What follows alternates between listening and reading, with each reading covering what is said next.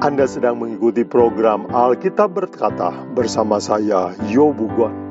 Jika Anda mempunyai pertanyaan Alkitab atau permintaan doa, hubungi kami di 0821 16 10 16 12.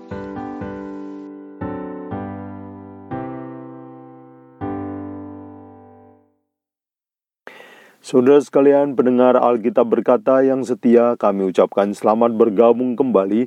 Topik kita hari ini adalah mengungkap misteri bahasa roh. Saudara sekalian, ini adalah sebuah topik yang sangat kontroversial, namun kita percaya bahwa roh Tuhan yang benar akan menuntun kita kepada kebenaran yang sejati. Sebelum kita belajar topik ini, mari kita merendahkan hati dan minta doa. Bapa kami di surga, terima kasih untuk Alkitab firman Tuhan yang ajaib di tengah akhir zaman ini, di tengah-tengah berbagai angin pengajaran yang berhembus. Kami ingin mengetahui kebenaran tentang bahasa roh. Tuntun kami selama kami belajar. Biarlah firman Tuhanlah yang menjadi penuntun dan ukuran kebenaran dan biarlah hati kami selalu dipimpin oleh Roh Kudus. Kami berdoa ini semua dalam nama Yesus Kristus, Juru Selamat kami. Amin.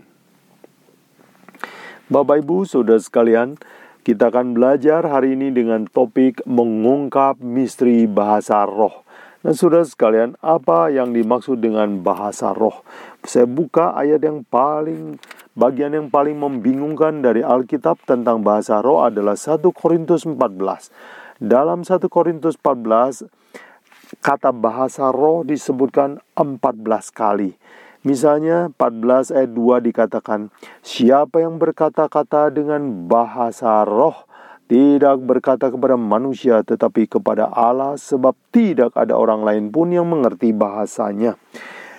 Dan seterusnya misalnya di dalam ayat uh, 9 di ayat 13 dikatakan karena itu siapa yang berkata dengan bahasa roh ia harus berdoa supaya kepadanya diberikan juga karunia untuk menafsirkannya atau menerjemahkannya.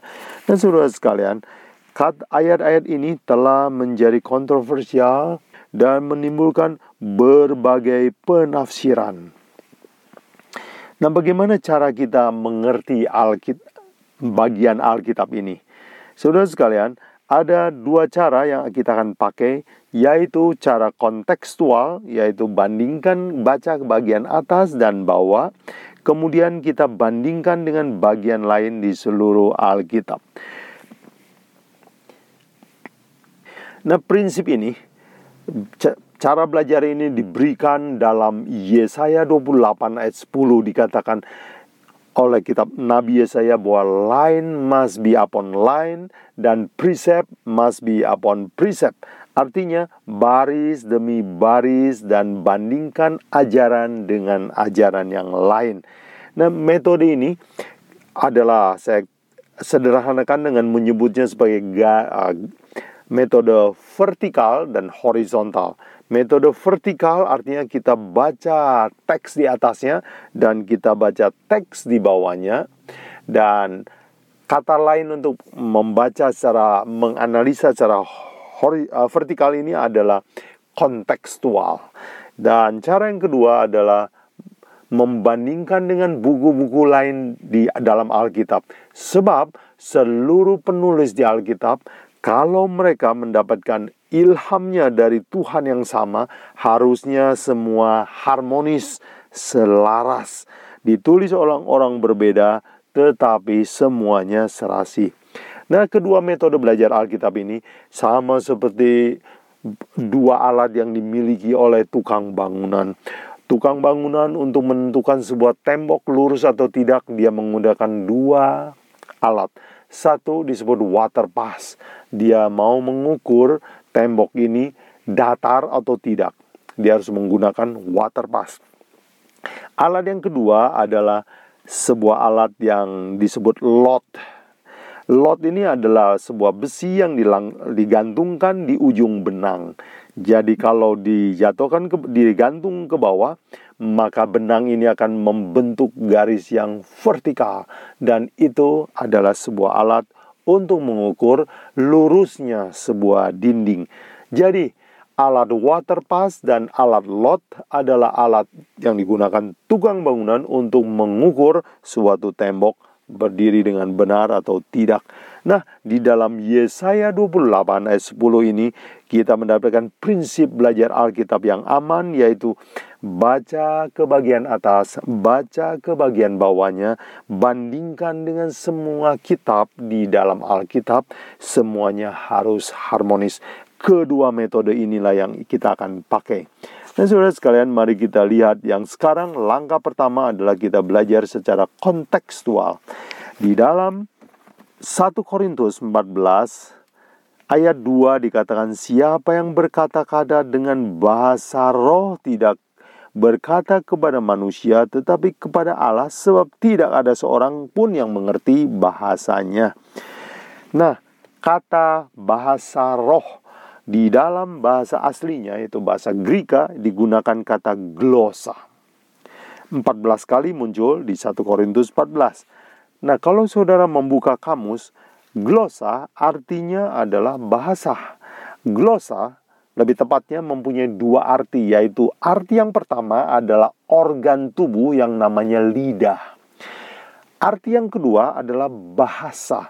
Dan memang dalam bahasa Inggris, kalau kita membuka bahasa Inggris kata tang, tang atau lidah, tang atau lidah dalam bahasa Inggris, kalau saudara membuka kamus, mempunyai dua arti juga.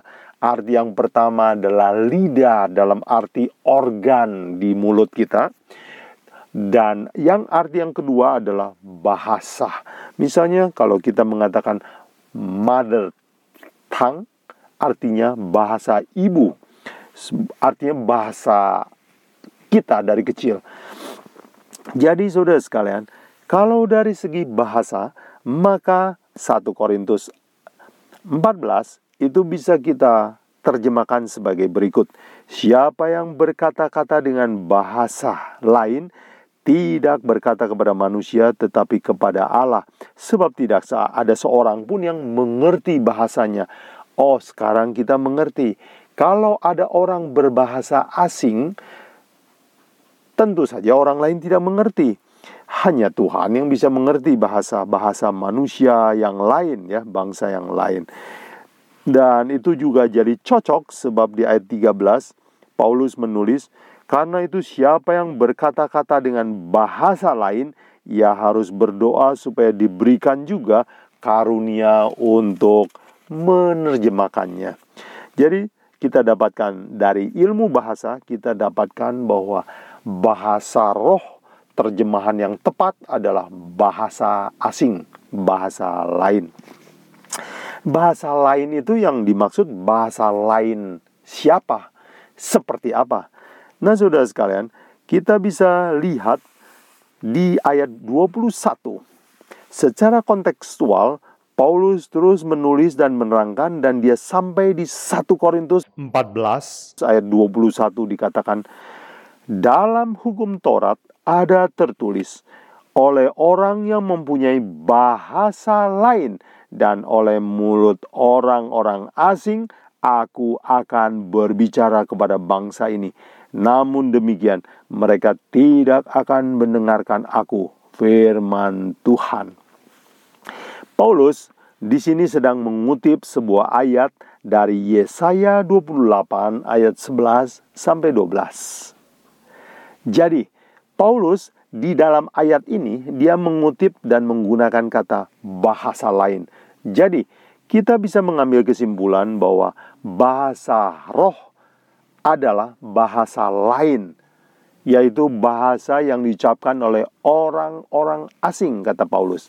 Dan memang kita tahu bahwa orang Israel dari dahulu diberitahukan Injil menggunakan bahasa mereka, yaitu bahasa Ibrani. Tetapi mereka tidak percaya Injil, maka Injil harus disebarkan kepada bangsa-bangsa, dan akhirnya mereka mendengar Injil lewat bahasa lain. Itulah yang Paulus katakan. Jadi, saudara sekalian, secara kontekstual di dalam 1 Korintus 14 kita mendapatkan dua petunjuk, yaitu satu, dari segi bahasa, maka bahasa roh terjemahannya salah, yang lebih tepat adalah bahasa lain. Dan itu dibuktikan di dalam ayat 21 ketika Paulus mengutip Yesaya 28 ayat 11 dan 12 dikatakan oleh orang-orang yang mempunyai bahasa lain dan mulut orang asing. Jadi yang dimaksud dengan bahasa roh di dalam 1 Korintus 14 adalah bahasa lain bangsa lain. Dan sekarang kita pergi ke cara kedua untuk mempelajari firman Tuhan yaitu membandingkan dengan bagian-bagian lain di Alkitab. Dan sekarang kita membandingkan catatan dalam kisah para rasul 2 yaitu peristiwa orang bisa berbahasa asing pertama kalinya. Dan kisah dua, kita akan uh, mempelajarinya dengan cara yang kedua, yaitu membandingkan dengan kitab yang lain di dalam Alkitab. Dan untuk kali ini kita akan menggunakan kisah dua. Dikatakan dalam catatan Alkitab begini, dalam kisah 2 ayat 1, tetapi tiba hari Pentakosta, semua orang percaya berkumpul di satu tempat. Ayat 2, tiba-tiba turunlah dari langit suatu bunyi seperti tiupan angin keras yang memenuhi seluruh rumah. Ayat 3, tampaklah kepada mereka lidah-lidah seperti nyala api yang bertebaran dan hinggap kepada mereka masing-masing. Maka penuhlah mereka dengan roh kudus. Lalu mereka mulai berkata-kata dalam bahasa-bahasa lain seperti yang diberikan Roh Kudus kepada mereka kepada mereka untuk mengatakannya. Ayat 4 Kisah 2 ayat 4 mengatakan bahwa waktu Roh Kudus turun kepada mereka, mereka mulai berkata dalam bahasa-bahasa lain. Bahasa lain apa yang dimaksud?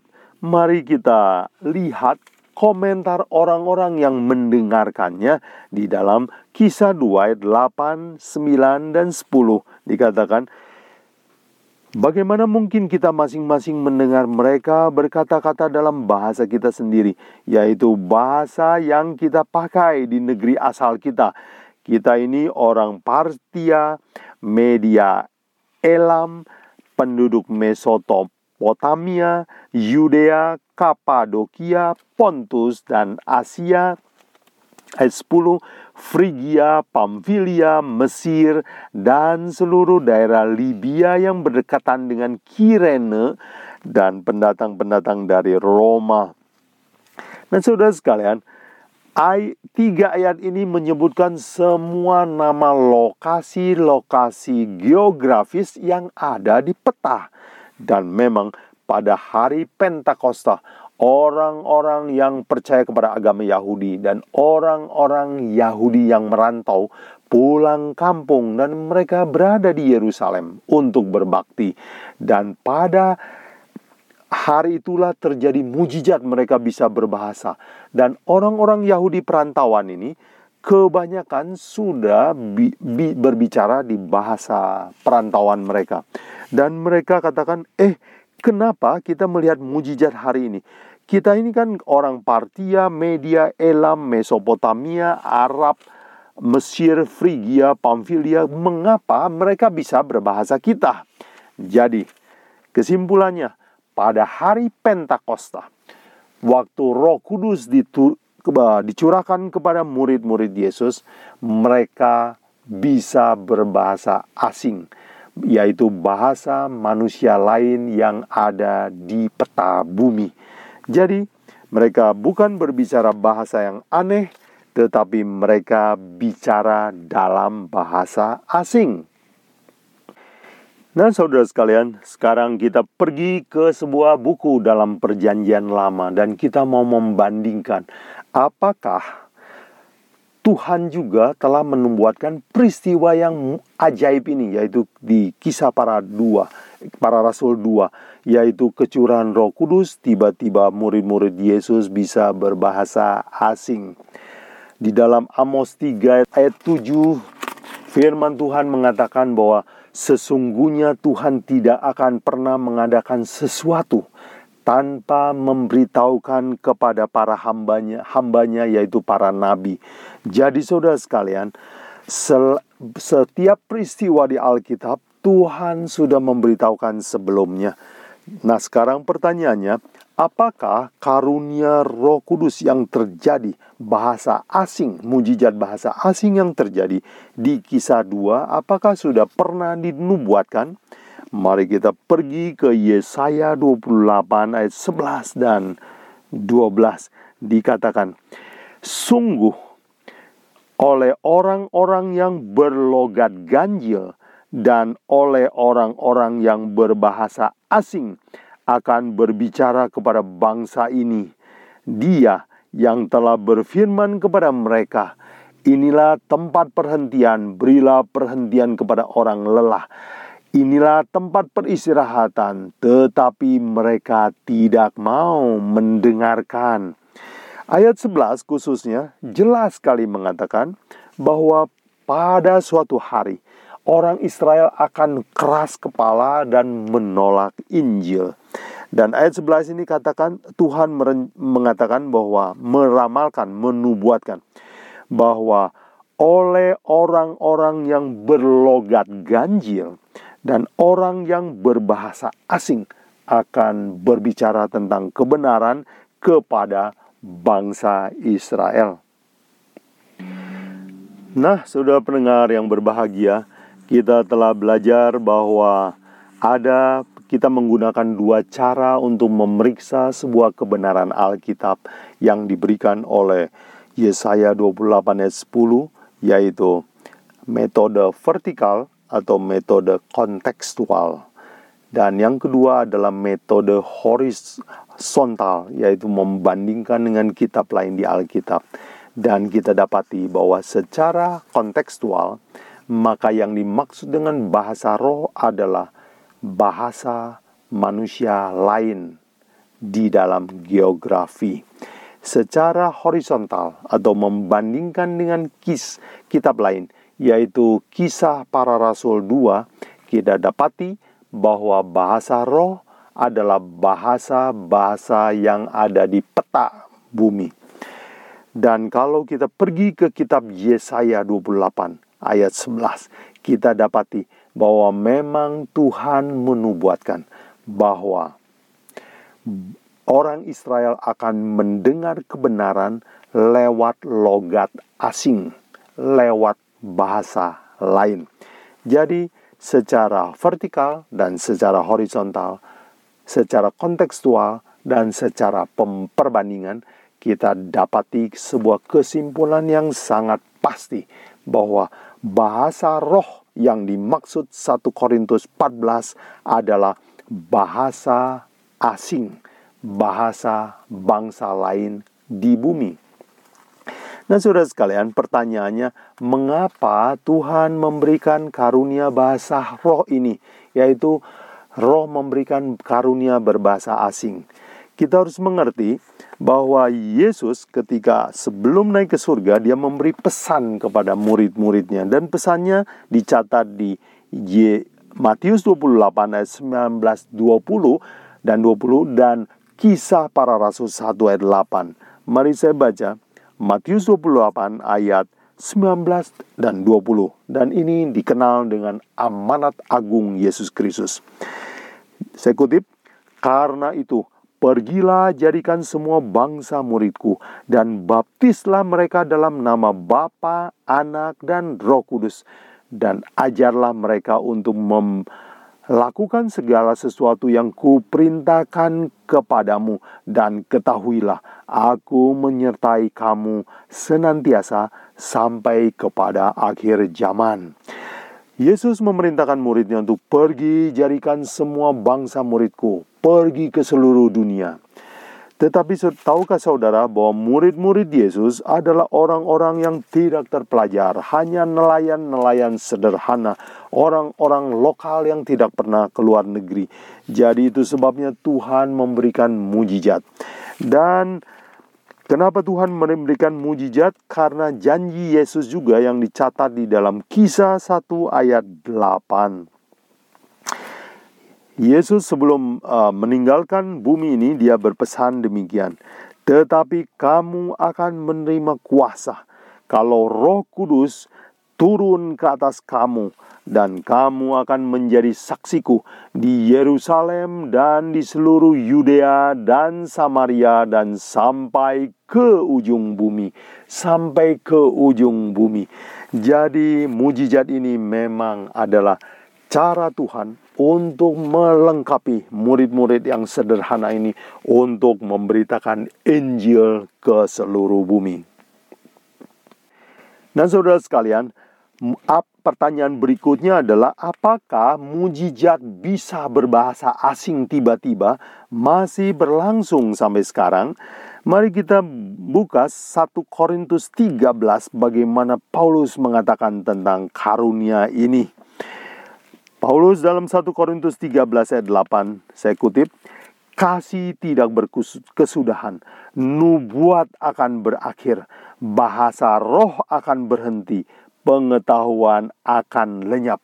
Paulus membandingkan bahwa salah satu karunia yang akan kekal adalah karunia kasih dan itu juga sebuah karunia Roh Kudus. Tetapi karunia seperti bahasa, karunia roh, roh bernubuat itu bisa berhenti. Jadi karunia bahasa roh adalah karunia yang terjadi pada zaman rasul-rasul dengan tujuan untuk membawa Injil sampai ke seluruh dunia. Dan bila mana Injil telah sampai ke seluruh dunia, perlahan lang, lang, selangkah demi selangkah, maka mujizat ini pun berhenti.